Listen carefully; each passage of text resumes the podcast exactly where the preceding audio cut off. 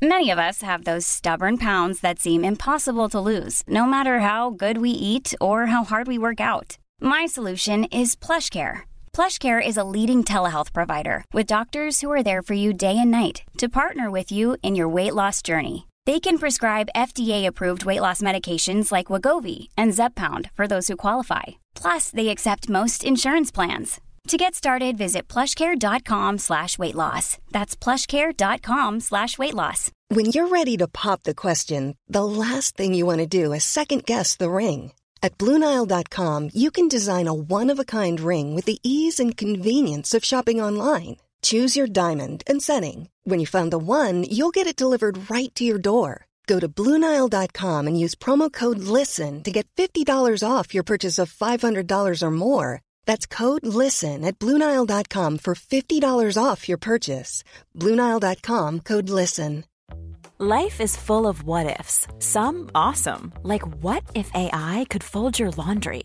And some, well, less awesome, like what if you have unexpected medical costs? United Healthcare can help get you covered with Health Protector Guard fixed indemnity insurance plans. They supplement your primary plan to help you manage out of pocket costs. No deductibles, no enrollment periods, and especially no more what ifs. Visit uh1.com to find the Health Protector Guard plan for you. Quality sleep is essential. That's why the Sleep Number Smart Bed is designed for your ever evolving sleep needs. Need a bed that's firmer or softer on either side? Helps you sleep at a comfortable temperature? Sleep Number Smart Beds let you individualize your comfort so you sleep better together. JD Power ranks Sleep Number number 1 in customer satisfaction with mattresses purchased in-store. And now, save 50% on the Sleep Number limited edition Smart Bed for a limited time. For JD Power 2023 award information, visit jdpower.com/awards. Only at a Sleep Number store or sleepnumber.com.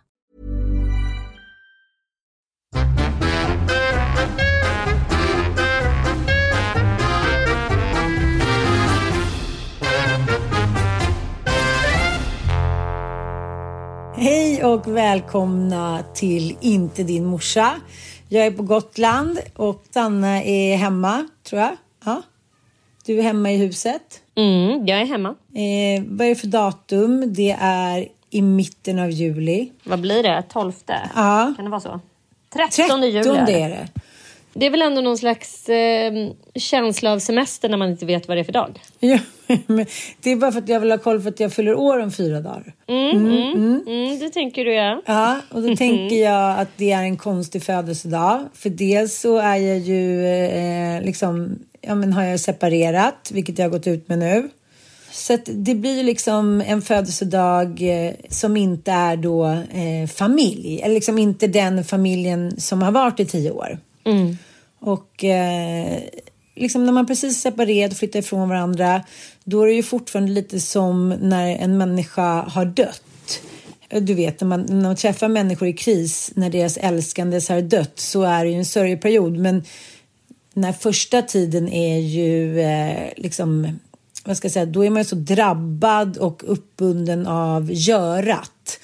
Det ska ordnas med präst, det ska ordnas med liksom eh, blommor och eh, kaffe och vilka ska bjudas och man ska ringa runt och hit och dit. Och jag har lite samma känsla nu att det är så här eh, jag har liksom inte landat i det, även om det såklart är en utdragen process.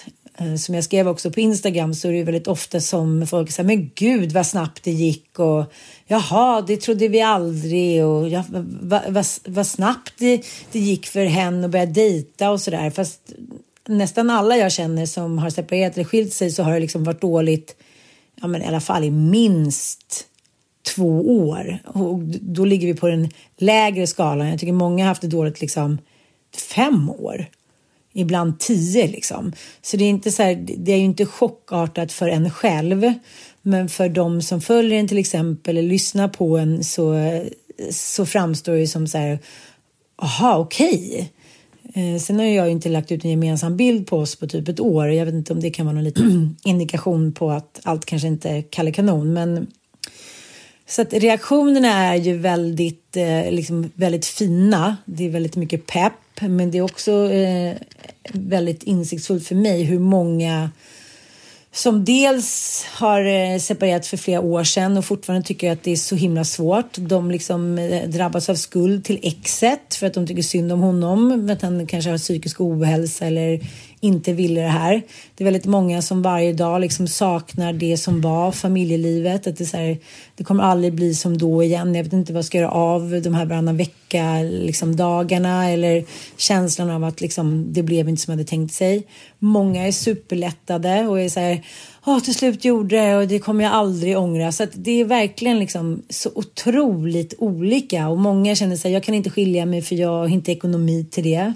Men till slut var jag tvungen ändå för jag härdade inte ut liksom. Så att det, ja, men, men eh, alla är väldigt så här, gulliga och du går igenom det här nu och det kommer, liksom, det kommer bli bättre. Men, men det är ju redan bättre eftersom det har processats ganska länge hos mig. Liksom. Så även om det är en stor sorg så är det ju också, om jag får säga det, en frihet. En utandning, kanske lite för oss alla. Liksom.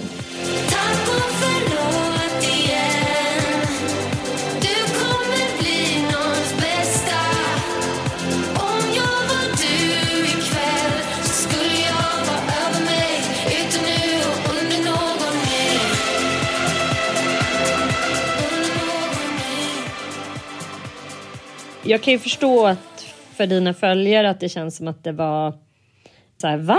Alltså för att du verkligen har velat behandla er separation och relation med respekt och eh, integritet och att inte dela med sig när det är ett så här väldigt öppet sår.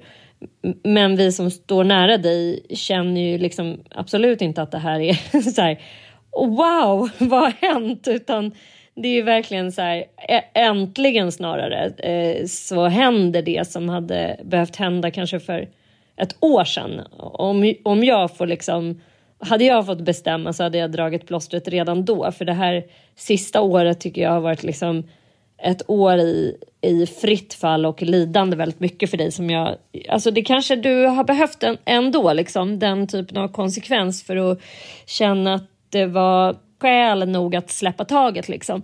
Men det var ju, hade jag fått liksom önska dig någonting så hade jag velat låta dig slippa det här sista året faktiskt. Jag, jag känner inte heller att jag eh, hade behövt det. Nej, men, men, det är både och. Det som jag pratat om innan. Om man, om man hade, andra, hade haft andra valmöjligheter så hade det här eh, gått eh, fortare. Men då kanske man hade haft en annan vision om varför det tog slut. Förstår du? Nu var det ju också massa praktiska omständigheter som gjorde det svårt att, att liksom dra plåstret för ett år sedan. Och, och det är väl kanske en lärdom eh, för oss som har stått bredvid. Liksom att så här, Fy fan, det här med fuck off-kapital. Vem myntade ens det uttrycket? Var det Amelia Adamo? Liksom? För att det, det ligger verkligen någonting i det att liksom se över sin, eh, sina möjligheter. att Om inte separera så att ta en paus i alla fall. För att eh, liksom börjar det skava så där mycket eh, som du är inne på, liksom, det är en befrielse att gå ifrån det där skavet för det är ju det allra värsta när man redan har börjat tänka tanken att vi borde nu nog separera. Man kanske till och med har sagt det till varandra och gjort slut x antal gånger men sen sitter man ändå kvar. Då lever man ju liksom på lånad tid och det är ju så hopp och förtvivlan och, och det är liksom fram, man, man, har liksom en liten mysig kväll och då kan man liksom gå in i det där falska hoppet och tänka att nu, nu kommer det bli bra. Men mm. sen vaknar man på morgonen och stör ihjäl sig på liksom kaviarmumsandet eller vad det nu är. Som man liksom, för att när man på något sätt intuitivt har bestämt sig för att gå, då börjar man ju störa sig på allt också. Allt.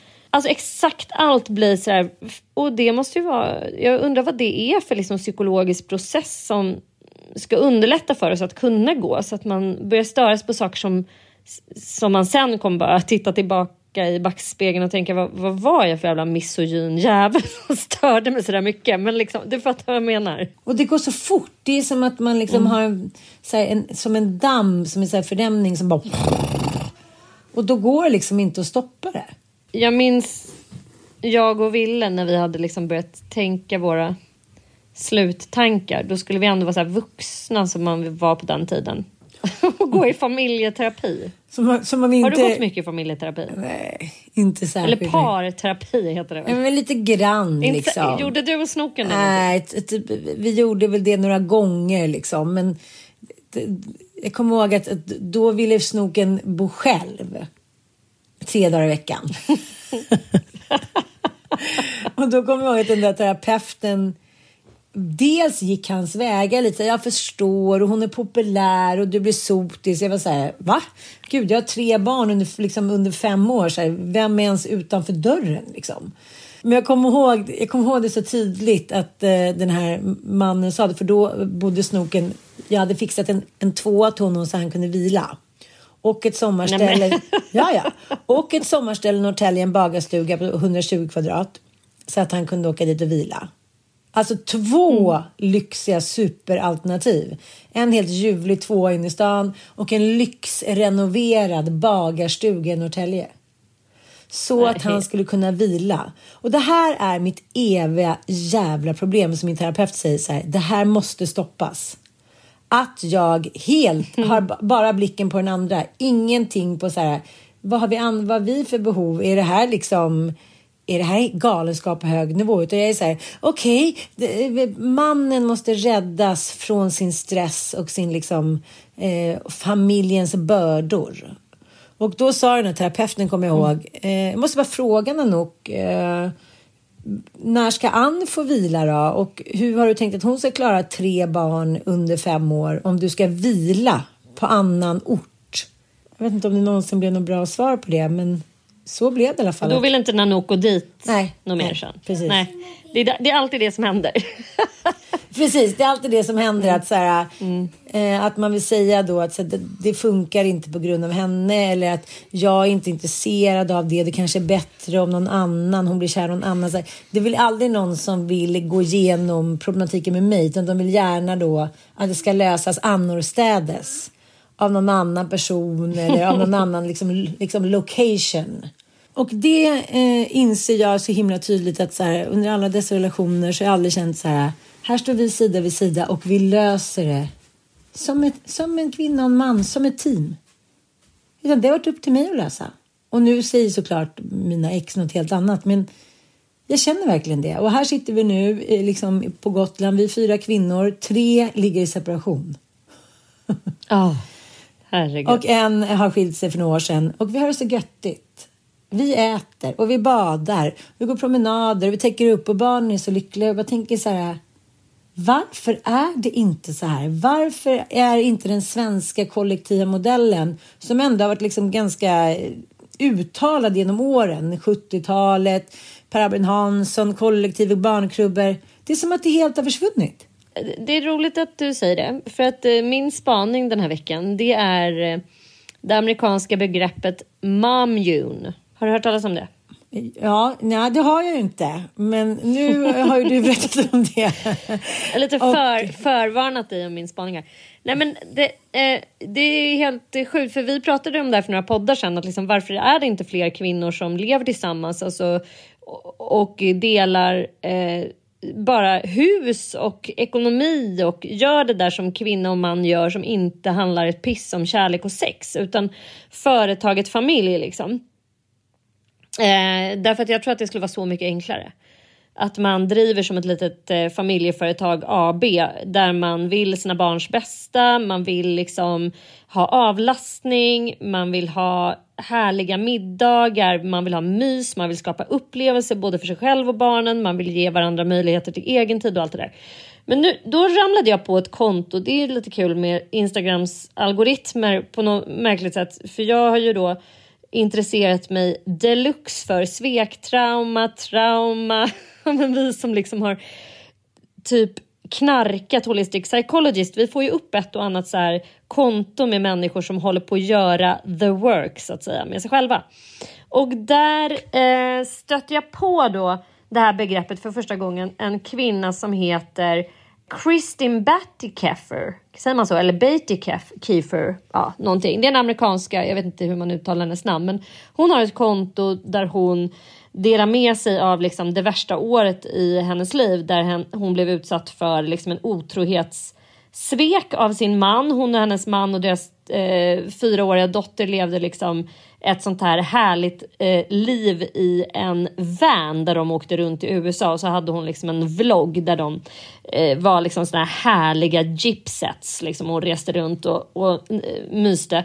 Och sen började hon känna att någonting var fel och det visade sig då att han var otrogen och efter mycket om och men så visade det sig dessutom att hon var otrogen med hennes bästa väninna. Nej, Och nej. hon, jo, och det var så här månader av att de försökte mörka det här och det var liksom månader av så här enormt eh, mycket ångest och det resulterade i PTSD och, och hela faderuttan. Men sen har man då fått följa hennes år där hon har hämtat hem och landat i en mamjun, alltså en eh, relation med hennes eh, sedan lång tid tillbaka bästa väninna.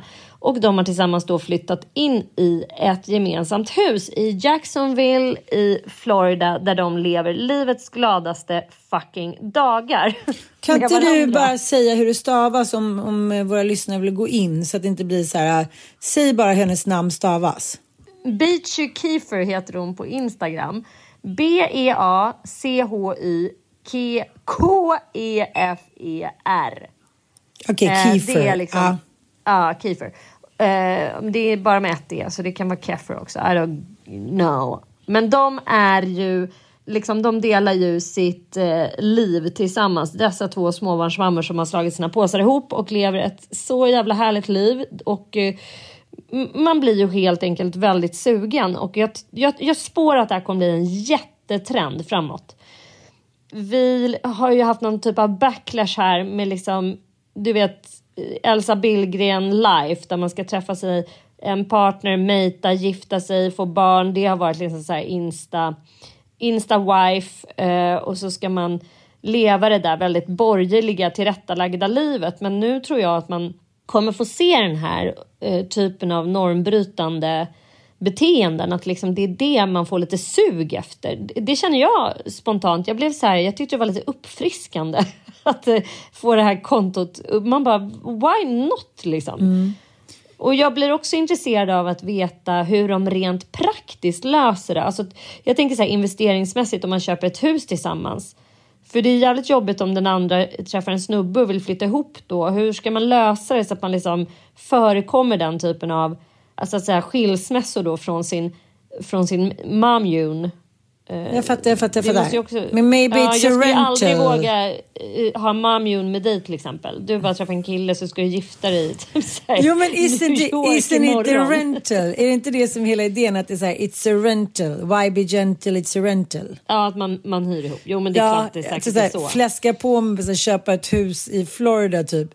Nej men jag tycker att det där, det här är ju någonting. Ja, fast det undrar man ju också så här, varför kan man inte göra det med en kompis? Ja, jag skulle nej, jag fattar. Alltså tusen gånger lättare typ köpa ett hus tillsammans med min kompis Sofia. Mm, Som är så här, jag har känt henne sedan vi var 17 år. Jag vet vad hon gör för affärer. Jag vet att hon inte är dumdristig. Jag vet att hon är jättenoga med sina räkningar och så här. Men när någon snubbe som man har träffat och varit ihop med sex månader ska man så köpa ett hus med. Nej, bara, nej, nej, det är du och jag nu älskling. Och så bara Nu kör vi. att 50 procent av alla. Ja. Mm. Och jag tänker att kvinnor som skapar bolag tillsammans också så här. Varför är det inte fler kvinnor som gör det? Det har någonting med att kvinnor är fostrade till att inte gå in i liksom kvinnliga strukturer och ägande tillsammans. Alltså det är mest det det handlar om. Att kvinnor ska ge sina pengar till män. Det, det är det det tror jag det handlar om. Så här gammalt feodaltänk och eh, ett genustänk som handlar väldigt mycket om att så här, nej, ska man dela med någon då ska det vara med en man. Anledning. Man ska samäga ett bolag med en man också. Men det är det som är så, det är det som är paradox, så paradoxalt. För det är liksom den sista bastionen som männen har när kvinnan lämnar i nio fall av tio, i alla fall om jag gör en liten egen gallup i, i närmiljö. Så är det direkt så här, gold digger, du kommer inte få en spänn, du kommer inte klara dig. Det är direkt liksom, eh, det är ekonomisk misshandel från sekund ett. För det är liksom det enda de har kvar. Okej, de kanske inte var kapabla att älska, de kanske inte var kapabla att ta hand om, om sin familj på liksom det sättet. Men de var fan stash. Alltså, men det kan ju också vara någonting som lägger sig. Att man så i början av en separation blir väldigt snål känslomässigt och ekonomiskt. Eh, för att man är, är inkapabel, man måste på något sätt göra ett statement att det är inte du och jag nu. Så du kan inte förvänta dig att jag ska hålla på och dela med mig och vara schysst med pengar om, om du liksom inte är kär. Alltså jag tror att det kan vara att, att man har ett behov initialt. Men det är så fantasilöst. Ja, det är klart att det är fantasilöst, men vad fan följer inte alla separationer alltid samma mönster? Jo, Det är så här- jo. Och jag inser det nu. Det har ändå varit lite en tröst nu andra gången att man vet så här. Ja, ja, check på den, check på den. check ja, och jag, jag Ja. märker också nu, eh, en av mina bästa kompisar som jag är med just nu. Det är första gången hon separerar. Hon var så här. Men det här också med att vara själv, när man inte varit själv på så många år och har många barn. Hon bara, okej, eh, då åker du bara till Stockholm, men eh, ska vi ses då? När åker du hem? Men jättebra, då bokar vi det. Gud vad kul, gud vad glad jag är. Man har aldrig varit själv innan. Så var jag i förra separationen. Nej, jag, man bara bokar upp. Nej, jag var helt livrädd. Jag hade liksom inte varit själv alltså jag, på liksom hela mitt liv. En, jag vet inte, kan jag räkna nätterna eller dagarna som jag hade varit själv på. Liksom. Och då kände jag, så jag, jag förstår precis hur hon känner men jag har inte alls samma panik den här gången. Jag är så stolt över dig som har liksom lyckats göra det här. För jag vet också att även om det är din andra gång och man kan tycka att det är lättare så kan det också vara så att det är mycket jobbigare än den andra gången. För att man vet ju eh, hur pissjobbigt det är att ha sina barn varannan vecka till exempel. Och att du ändå har, man har liksom drömmar och man har satsat jävligt mycket när man har byggt upp, upp liksom det här eh, s- slottet eller vad man ska säga, även om det kanske är ett, eh, ett eh, kort, eh, slott av kort eller av sand så är det ändå så jävla jobbigt att bara säga, jaha, nej det gick inte den här gången heller. Alltså det, Nej, jag, jag tror att du kanske stod ut längre i den här relationen än i den första, eller hur känner du? ett sätt är det ganska likt processen som skedde. Att så här, när det väl skenade så skenade det liksom ursinningslöst på något sätt. Jag hann liksom inte med förrän det, det liksom loppet redan var kört på något sätt. Och det är den som jag alltså inte stör mig på men som jag känner så här, när sker det här? När förlorar man liksom kontrollen över relationen? Och varför kan man inte hämta tillbaka den liksom?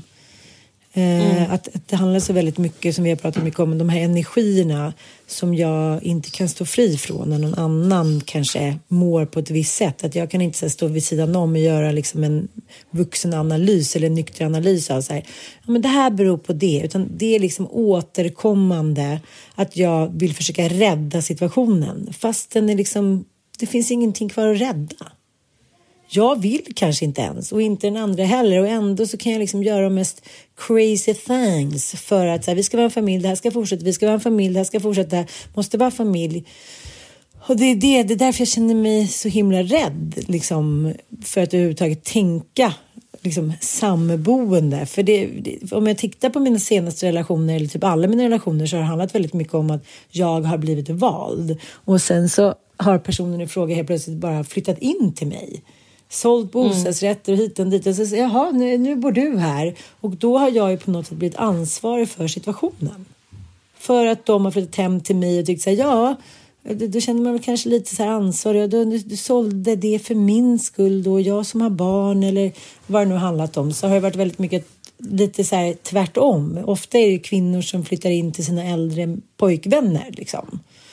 Och nu, jag menar inte att jag, de att jag har varit äldre än dem, men det har varit så här, men och så min terapeut säger, men det är ju skönt att vara nära dig. Du fixar och trixar, du har mycket vänner, det är mycket som händer.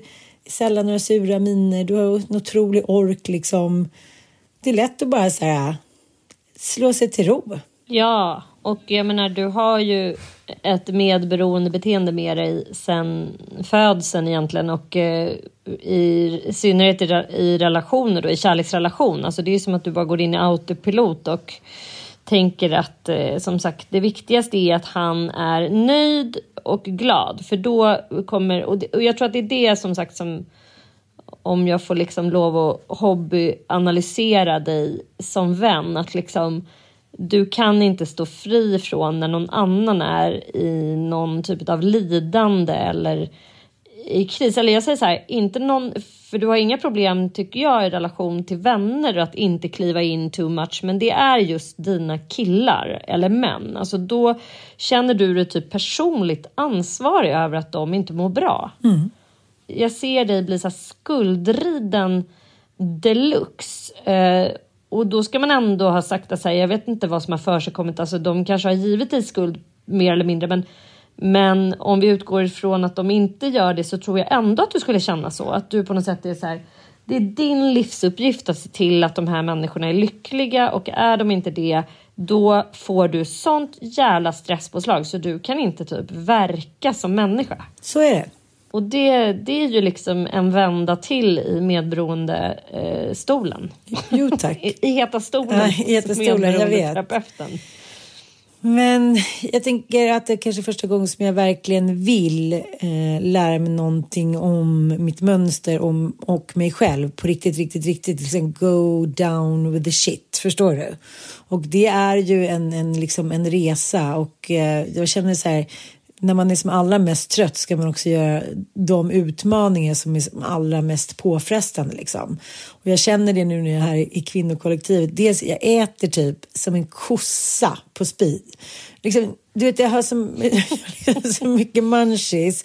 Och det är glass och det är godis och det är liksom vin och det är grill. Och jag är så här, det är som att jag typ har varit på någon så här svältkänsla på allt liksom så länge.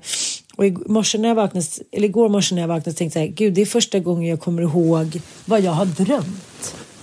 På typ, nej men ett år. Att det är så här, att jag bara liksom har typ slappnat av lite. Min, liksom, min hud är mycket bättre, mina eksem är borta, mitt hår liksom. Nej men det är så konstigt, det är så mycket som liksom på något sätt har varit i freeze. Förstår du? Mm, mm, ja, så, här, så hög stress. Det är också liksom... Ja, jag tycker att det är helt... Eh, jag tycker det är extremt imponerande hur du ändå så här... Alltså du, du har ju någon sån här bonnamora i dig som bara kavlar upp ärmarna och köttar trots att eh, Alltså hade du haft en skörare konstitution och ett skörare psyke så hade ju du bara trillat ihop och inte klarat av att liksom ta dig an dagen, alltså legat bara i, i någon slags pöl eller hög. Och det, det har du ju liksom, det ligger inte för dig på något sätt. Alltså det, är inte, det är inte på det sättet du kollapsar utan det är ju din kropp som tar stryk liksom. Av att springa. Eh, så att liksom Fan vad skönt om du kan få nervsystemsreglera lite grann neråt. Om du kan bara få komma ner i varv och bara få landa lite grann nu. Men sen tänker jag också att det, det är ju väldigt, väldigt färskt såklart. Att det har liksom flytt semester, jag har varit på min jobbgrej utomlands i flera veckor. Och nu är jag här med liksom vädret är härligt, jag har massa fina vänner som bara tar hand om mig och liksom det är klart att det, det kommer komma någon form av krasch. Det kanske inte blir att jag ligger liksom och sondmatas men jag vet ju det att det är liksom it ain't over till mm. the fat lady sings liksom. Och uh, men det som ändå sker är ju att när man är mitt uppe i det värsta, du vet att jag var liksom som allra mest nere i skorna, då känner man ju så här, mm. jag kommer aldrig komma ur det här. Och jag, jag, jag, tror liksom, det är så många som skrivit till mig som också känt liknande, att det var så nattsvart liksom. Och sen så helt plötsligt en dag, jag, jag kommer exakt ihåg vilken dag det var i juni, så bara var jag på en fest och så bara, du vet, kom jag dit och så var det liksom massa roliga människor och solen sken och man dansade och liksom, jag bara kände så här, mm. nej det är inte längre nattsvart. There's hope out there. There's men and dance music. inte så liksom, men det var så här. Och det kommer jag ihåg också exakt förra gången det tog slut med Nanook. På julfesten med, eh, med Fia och gänget på Gördis när jag var så här kom dit och så, de stod där och sjöng någon jullåt och jag träffade massa härliga människor och så bara helt plötsligt så var det som att liksom mm. livet mm. kom tillbaka. Det är ganska speciellt att det kan ske sådär uh, Ja, ja, ja, gud. Timgrant, förstår du? Att det helt plötsligt, så, precis som man känner tillsammans med i en relation så här, mm. nu var the point of no return. Att någon säger någonting eller någon någonting blir exakt som det alltid har blivit och någon säger någonting man bara känner så här, nej, mm. det här kommer, jag kommer aldrig mer klara av det. Och ofta som du och jag som har det här anhörigsproblemet liksom så kan ju det ändå ske 35 gånger till. Men jag kan ändå känna de gånger det har hänt liksom, i mina relationer när jag väl känt sådär, då har det inte funnits någon återvändo. Då har det bara varit så här, mm. nej nu går det inte längre. Man mm. har en ny blick på den andra personen. Och det som du säger, kärleksfiltret har liksom luckrats upp. Mm. Det är väldigt, vad ska jag säga, eh, det är väldigt sorgligt tycker jag med de DM jag får att det är många som verkligen sörjer så länge att det liksom inte blev som de hade tänkt sig och många tycker att så här, min partner gick vidare så himla snabbt och men det kanske ser ut så. Men, men eh, jag tror att det är liksom väldigt svårt för de allra flesta. Om man inte direkt går in i en ny relation. Och det är jag ändå väldigt glad att vi inte har gjort. Och så var ju inte min förra relation heller.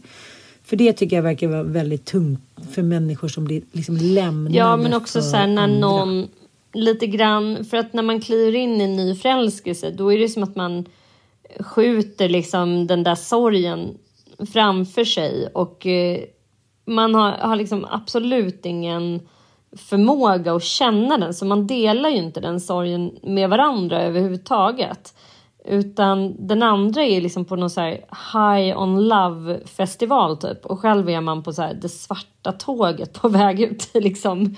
Och det, det är så fruktansvärt stort avstånd mellan de där två olika planeterna. Så man känner och så, också så att man man kan ju liksom gå in i ett för tidigt åldrande om man blir rejält dumpad och, och det är ofta jag tycker jag kan vara så jävla sorgligt att se att någon ser ut som att de har så här åldrats 50 år och den andra ser ut att den har tagit lite så här föryngringspiller. Man bara shit, är det mycket botox där eller liksom man går åt två olika håll helt åldersmässigt. Men det man kan säga om det där att gå liksom från famn till famn så att säga, att det jag vet inte, det måste ju finnas massa studier som har gjorts på det, men jag, jag skulle tro att det är att liksom hoppa över massa stadier i sitt liv, liksom att man aldrig får sörja någonting eller att det kommer komma och bita en i svansen sen senare på något sätt. Att, jag minns ju när mamma och pappa separerade att pappa träffade ju en ny fru liksom, eller en ny kvinna som han blev så här superkär i, flyttat till ett nytt hem i Skåne och ska liksom så här bilda ett nytt hem, ett nytt liv. Och jag minns i deras relation när vi liksom hälsade på där att man kände så här. Han kunde inte dela vår sorg över att så här, vårt hem var uppbrutet. Vår pappa hade försvunnit. Vi hade en ledsen mamma som var så orolig över sin ekonomi och sin framtid. Och vi gick också runt i det där hemmet som bara vittnade om hans försvinnande på något sätt och hans eh, närvaro. Alltså det är någonting helt sjukt. Jag kommer ihåg att mamma, du vet så här, hon oh. försökte måla om sen. Alltså det kom så här, hon skulle köpa in nya grejer och köpa någon ny soffa och så här. Och ny bil och sånt. Men det är ändå så väldigt svårt att eh, bygga om ett hem helt. Alltså det är också någonting tror jag som man lär, drar en lärdom av att liksom Ja, move on. Alltså jag tror nästan att man move behöver on, göra det. Alltså. alltså. Sorgen i väggarna sätter klorna i en liksom. Och eh, det är svårt att komma ifrån. Jag, det kan jag väl känna när jag är på Gotland också. Att så alla drömmar jag hade med mitt hus och hur det skulle bli med mina barn och vara där. Det, det är först den här sommaren som jag känner liksom. När sålde vi? Det är ändå tre somrar sedan som jag känner att jag kan åka förbi mm. Valleviken och jag träffade Sigge och Malin igår i förrgår. Mm. Det var otroligt roligt. Jag var hemma hos Josefin och Sandra. Och så hör man bara ner från deras hus så här. Ann Söderlund, är du här? Du bara rätt ut i himlen. Jag var så här. Ja för fan Sigge, jag är här. Liksom, det, det var bara så här. De bara, du ska mm. vara, du ska vara i Valleviken. Och liksom att man har ett ställe där man ska vara. Och då sa Ossian så här.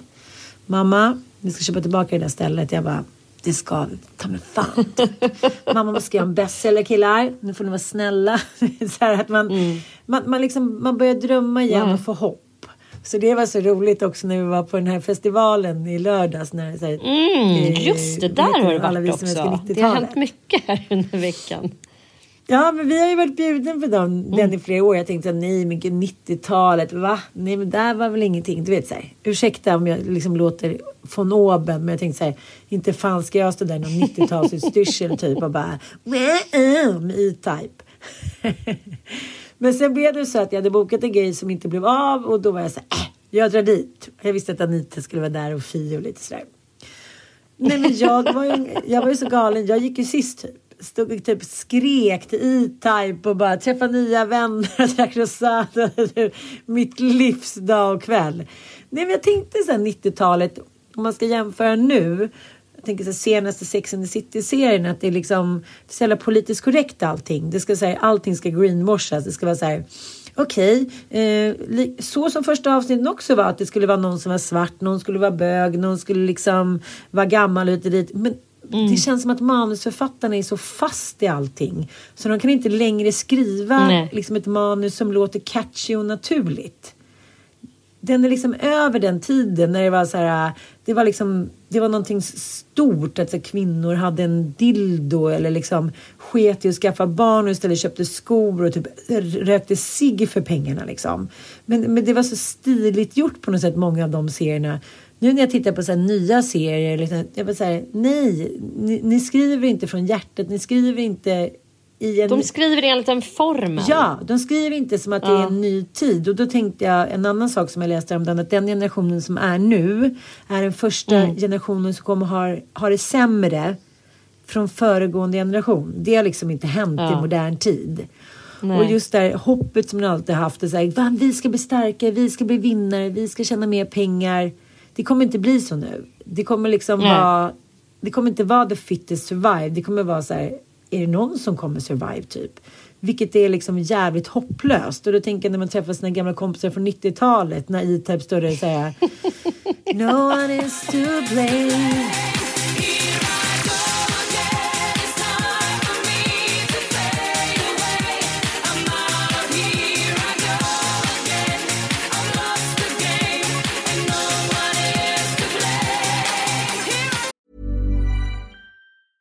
When you're ready to pop the question, the last thing you want to do is second guess the ring.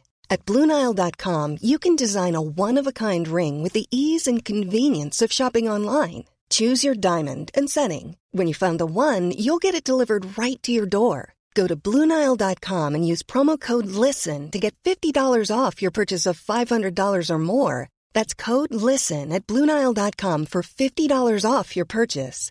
Bluenile.com code LISTEN. Hey, it's Danny Pellegrino from Everything Iconic. Ready to upgrade your style game without blowing your budget? Check out Quince. They've got all the good stuff shirts and polos, activewear, and fine leather goods, all at 50 to 80% less than other high end brands. And the best part? They're all about safe, ethical, and responsible manufacturing. Get that luxury vibe without the luxury price tag.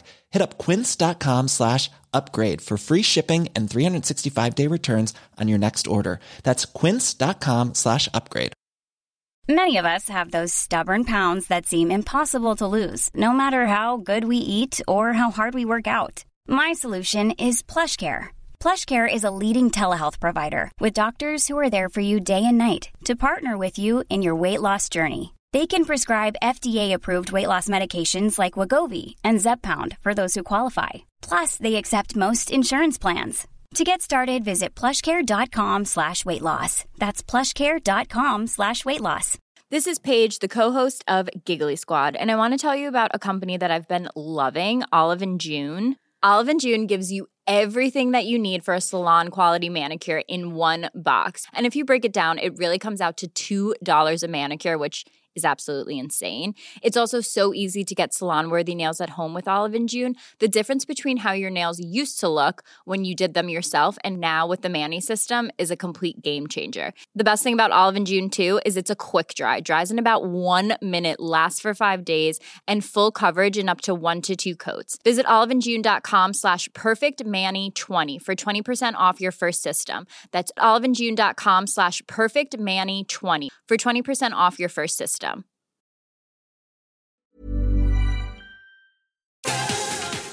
Men vad är, vad är det här liksom? Ja. Att det lilla nålsögat som så här eurodisco flög igenom. Det är så här, tänk om någon skulle komma nu så här If you want a life, if you want a... Och så, så bara VM-låten! det var så mycket nålsögon. Ja, så, vi vill starta Darling. Vi är unga tjejer. Vi vill göra det. Alla bara så här hell yeah! Linda Skugge 21 typ. Det var liksom både systraskap men också ett jävla liksom det var, ett, det var en tävlingsanda. Så här, alla som var unga, runt 20, vi fick liksom göra vad vi ville. Moralen hade liksom smulat sönder. Det var så här, you do what you want, men så här, casha in till Expressen Fredag eller Sol. Eller så här, det fanns liksom inga hinder för någonting och det höll ju inte så himla länge. Och man gick på någon fest och någon var naken och hade någon elefanthuvud på sig. liksom, allt var så himla möjligt. Och sen så kom 2000-talet liksom. Med Instagram och fix och tricks och sillituttar och liksom alla skulle fixa och trixa sig. Det är så här, alla är bara liksom avatarer från någonting som så här, inte autentiskt tycker jag. Och nu håller jag på att läsa en bok om att vara autentisk och hur, hur bra människor mår av det. Och då tänker jag att det är ju inte en jävel som är det längre så det är klart att vi mår skit liksom. Alla är ju bara en avatar av den som är mest populär. Till exempel just nu Bianca Ingrosso. Liksom. 90-tal forever. Man, man får liksom helt enkelt eh, ha det som en liten sån slogan som man säger till sig själv varje morgon. Börja tänka lite 90-tal igen. Eh, jag tänker ju ofta så här, be like Bruce. För det kände jag så starkt när jag var på Bruceans konsert. Att liksom han är en sån god kraft, apropå så här authenticity, att man liksom har en eh, core, en kärna i sig som, eh, det vet jag, apropå att eh, Liv Strömqvist och eh, Caroline Na Ringskog Ferrada-Noli, Caroline, ja ah, whatever. De hatade ju så mycket i en podd på Holistic Psychologist. Mm. Jag och Anita pratade om det när du uh, var borta. Men då uh, så hånade de i alla fall det här med att tanken på att det finns en oförstörd, autentisk kärna i oss alla liksom och att vi typ föds med någon typ av persona eller någon typ av liksom autentiskt litet mini-jag som finns där och det är de vi egentligen är bakom alla masker och försvar och skydd och sådär. Alltså de menar ju att det är bullshit, liksom. att det är så obehaglig tanke att det skulle finnas någon, eh, liksom, någon som ligger dold där under. Alltså, alltså det finns ju många teorier och eh, personlighets... Eh, teorier eller vad man ska säga som går emot den tanken såklart. Men då tänker jag ändå mycket på sådana personer som Bruce Springsteen som verkligen verkar ha en sån där core. Alltså, om man tittar på vem han var när han var 20 så verkar han vara samma jävla snubbe nu som då och han verkar behandla varenda människa som, han, som kommer mm. i hans väg på samma sätt. Han är liksom en trevlig, varm, kärleksfull dude som har en verkligen så här en intakt så här, moral och etik på något sätt. Eh, och det slog mig så mycket när, när jag var på hans konsert också att han, han är som, det är som en stor jävla god kraft som intar eh, Ullevi och eh, det är liksom inte alltid så jävla bra, det är inte alltid så jävla tight. Han sjunger liksom kanske eh, hellre än bättre men det är den där godheten på något sätt som, som strålar. Så du kan tänka 90-tal, jag tänker Be Like Bruce. Det är min paroll framåt i livet.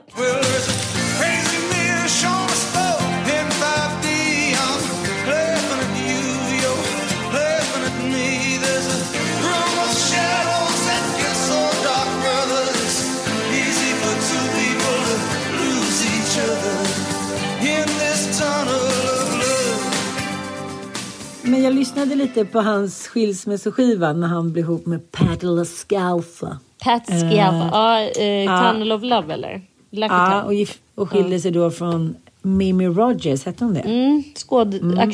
Skådisen. Mm. Att han så här, så otroligt brutal liksom skilsmässoskiva. Det är så här 12 spår som är så, så smärtsamt och en uppgörelse. Då tänkte jag så här, man måste ha en uppgörelse med människor man har älskat. Alltså, mm. så här, det, det fan, går inte Det är att ovärdigt inte ha... att inte ha det, att gå ut ja. ur det. Det är väl det jag kan tycka också med alla så här, vänskapliga skilsmässor alla Katrin och Bingo. Jag tror aldrig att de har älskat varandra riktigt. Alltså riktigt så här sårbart nära. Man kan, de kan säkert ha varit kåta på varandra och haft någon passionsidé och liksom delat massor med saker. Men jag, eller är jag ute på fel spår? Jag, eh, nej men de var jättekära i varandra, men jag tror också att vissa människor avsiktligen undviker svärtan Liksom för att de så känner sig, ge, öppnar jag där, liksom, den där dörren, jag vet inte ens var, var dörren finns, men skulle jag öppna den när jag liksom snuddat vid handtaget några gånger så har jag liksom mått så dåligt av det. Och det då är det bättre att ha kul. Och det har jag hört så många som har sagt nu skrivit så här, det gäller att ha kul. Livet är så kort, det gäller att ha kul. Mamma, men, men det går ju liksom inte att ha eh, autentiskt kul och vara liksom äkta, en äkta glädje om man aldrig gör upp med någonting. Jag tror inte det i alla fall. Alltså, här, den äkta, liksom, sanna glädjen att känna så här, jag klarade det, I'm still standing, I'm still standing, yeah, yeah, yeah. Mycket 90-tals och 80-talsreferenser. Det handlar ju om att så här, en styrka i sig själv. Så här, jag klarade det här också. Mm.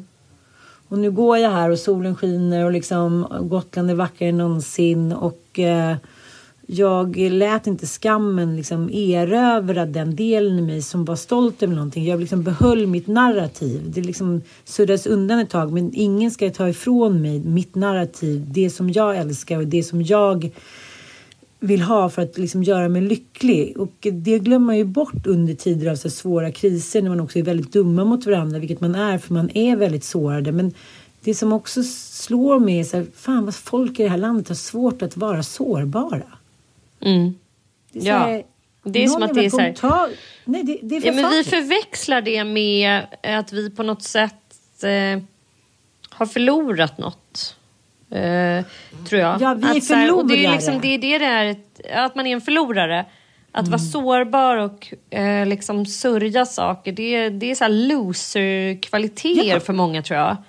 Att mm. man eh, förväxlar med att det är någonting som man har och, alltså, förluster är så nedvärderat i, i vårt så här, kapitalistiska mm, mm. system på något mm. sätt. Och, så här, det är förluster av en relation eller av människor. Det är därför jag tror döden och sorg också är så här, underprioriterat. Man vill inte så gärna vara nära människor som sörjer. Eller så här, för det är förlorare. Det är ja. förväxlande lika uttryck, liksom, att man är en förlorare. Ja, vi är ju alla liksom, människor som kommer att förlora eh, framför allt andra människor. Det är det, eh, liksom, det fattar man ju inte förrän man har någon som man verkligen älskar. Du fick ju erfara det så tidigt när din mamma dog. Liksom. Men eh, det fattar man ju inte förrän det händer. Liksom. Att, så här, varför får inte det här större utrymme? Man bara, mm. Hela världen ser ut att gå runt och tralla typ. Fast det här väntar ja. runt hörnet. Typ. Alltså, det är så jävla sjukt. Gud, jag tycker det är så intressant. Det, där att, så här, liksom, det är ju vår, vi kan ju inte bli mer förlorare än att dö. Alltså, så här, då är vi de största förlorarna i världen. Och då har jag tänkt så här, varför det kändes så konstigt för mig att, liksom, att min syrra inte ville att det skulle vara någon riktig begravning utan vi skulle vara på den där herrgården och vi skulle vara så här, sommarklädda som att det var en liksom sommarfest med glädje. Vi skulle minnas positivt. Och jag, jag menar inte att det är något fel, men sen så när jag tänkt på det där, precis som du pratar om, så är det så här, jag kände inte så. Mm. Jag kände inte att det här var en glädjens fest eller att så här, vi ska minnas det positiva. Jag kände bara så här, det är nattsvart och jag har förlorat min pappa. Mm. Jag vill sätta på mig så här 1800-talskläder i så här sorgeflor. Ja. Och jag vill liksom ha så här, upp, så här, så här klänning med typ så att det nästan stryps. Jag vill att det ska strama, göra ont och påminna mig om smärtan som slits ur en kropp när den man älskar dör. Jag vill inte ha blåblommig sommarklänning. Jag vill så här, skrika och sörja och förbanna döden. Mm. Och det får man inte heller göra idag för att då är man liksom då är man inte en trallare. Nej. Då är man en surpuppa mm. som inte kan se det positiva i saker. Vi, liksom, vi tillåts inte längre att hata det värsta. Döden. Mm. Eller liksom att förlora någon. Det ska vara så här. Det kanske var lika bra att det blev så här. Och det gäller att ha kul. Jag har fått så här flera kompisar. Sörj nu så får du bara gå vidare. Liksom. Ha det är kul, så det är. Typ. Målet. Man bara, Jaha, okej. Okay. Ja, ja, det var väl en bland andra då.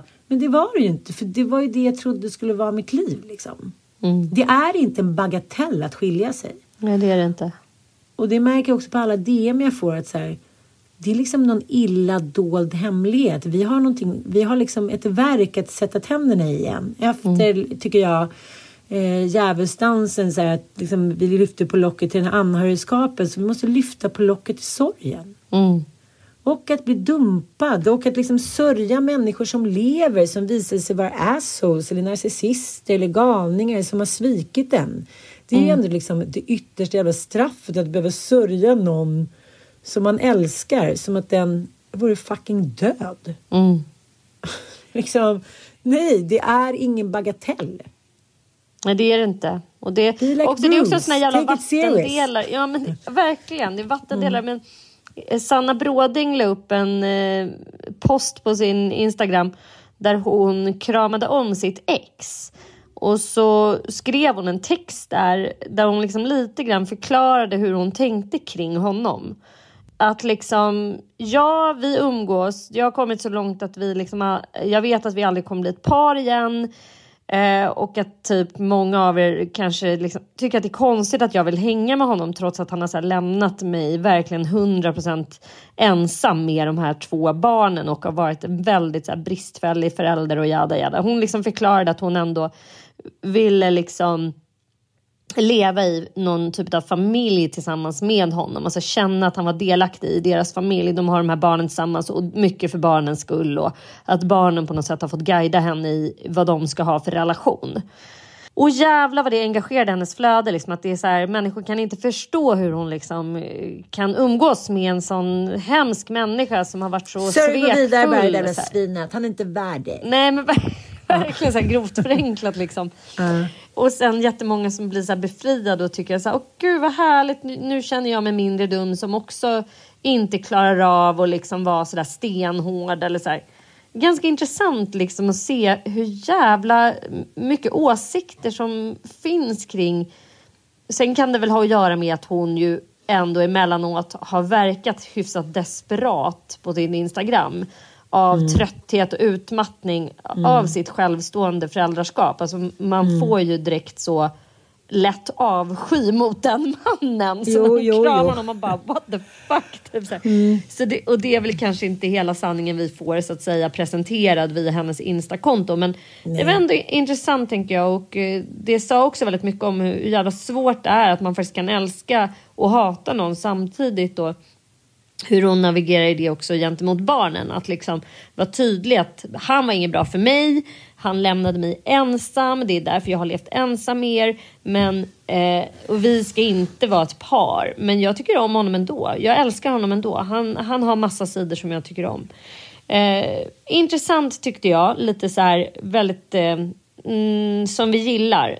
När det finns flera dimensioner och nivåer och man kan verkligen vara fullt, liksom, känna sig fullt sviken av någon och samtidigt älska någon. Alltså, jag tycker det är väldigt intressant. Ja, det, var, det var en kvinna som skrev på min Instagram också så här. Gud, jag, tycker, jag skäms så mycket. Jag träffar mitt ex ibland liksom. Och vi har sex och jag, jag, gud, jag känner mig bara helt liksom. Jag känner mig som en dålig människa. Jag kan inte säga någonting till barn. Och så jag sa så här. Vadå? Det är väl tusentals människor varje år som lämnar varandra och liksom säger att de aldrig mer ska liksom prata med varandra överhuvudtaget. Sen så går det ett tag och så, så kanske den andra ändrar sig. Man hittar något nytt sätt och, och så blir man ihop igen. Det är väl ingenting att skämmas för. Som att det är någonting fult att tänka sig. Nej, det var faktiskt bättre när vi var ett par. Och det verkar som vi båda har vuxit och kan kanske hitta en förändring. Som att det vore så här loser. Ja, men- Don't get back to that motherfucker. Du var så dålig på att separera. Ja, ingen vet någonting. Så, här, som du säger, så här, då är man en förlorare. Mm, Om man man inte liksom klarar av att så här, ha kontrollen över sina känslor som man bestämde sig för. Mm. Då är man en förlorare. Intressant älskling. Oj, oj, oj, nu pratar på här. Ah. Ja, men älskling, jag tänker att vi ska avrunda där Mm. eh, i denna veckans podd. Och nästa vecka, kära lyssnare, så ska vi göra en liten uppföljning på eh, Läckberg. För att vi har fått, det har trillat in en annan upprörd ko- kommentar till dig, vilket jag tycker var intressant. Men Ja. inte så många till mig. Det var någon som skrev så här, men det hade inte så mycket med Läckberg att göra. Någon som störde sig så mycket på att du och jag uttrycker oss som att vi är så bombsäkra på saker fast vi ibland eh, har noll koll och därför Jaha, avföljer hon oss nu. Jag bara, Förlåt. jaha, det kanske är så vi är, men vi försöker ju skapa innehåll till den här podden. Då gick jag direkt i försvar och bara ville skriva något. Eh, Lex Anita Clemens. Men jag bara, nej jag gjorde inte det. Du då? Man bara, jag känner nej, inte ens dig. Nej, då kände jag, nej jag ska hålla tassarna i styr. Men eh, jag har också Ja, fått vi in får, ganska vi får många... gå i försvar nästa podd då. Ja, och vi ska väl, jag, jag har lite ångest över våran Läckberg-analys därför att eh, den var inte den vassaste och skarpaste eh, Den var vi lite har för gjort. grund. Det, den var lite för grund och vi har flera perspektiv. Bland annat en, en gammal journalistkollega till mig som heter Mia Sal som jag jobbade med på Aftonbladet för hundra år sedan. Hon skrev så jävla intressant det här med kontroll. Att det är det liksom som är Läckbergs fall när det gäller hennes liksom utseende och vikt, att det är någonting man inte kan kontrollera. Det, och jag bara känner så här, men det är klart att det är det, vad korkad jag är som inte, åh, du vet. Och sen så har jag också sett filmen The Whale, Oscarsvinnande filmen, som också öppnade nya dörrar för analys av eh, Läckbergs kroppshat. Eh, men vi ska ta det nästa, nästa vecka. Ja. Bland jag har annat, också massa annat nya insikter och en bok jag har läst. Och det är klart att som några påpekat att det handlar om eh, det patriarka, patriarkala ögat. Men med det kände jag så här. Det är så givet att liksom... Nej, men det- det kom- det vill inte behöver ens man mala. Du måste läsa den här boken om att det är det det beror på. Jag bara, ja det är klart att det beror på det.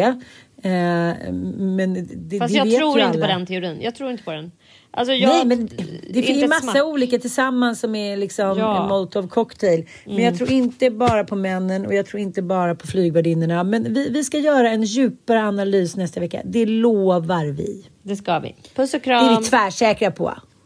Som vanligt. Alltid tvärsäker. Skäms. Jag och äta lite mer glass. Puss puss. Puss.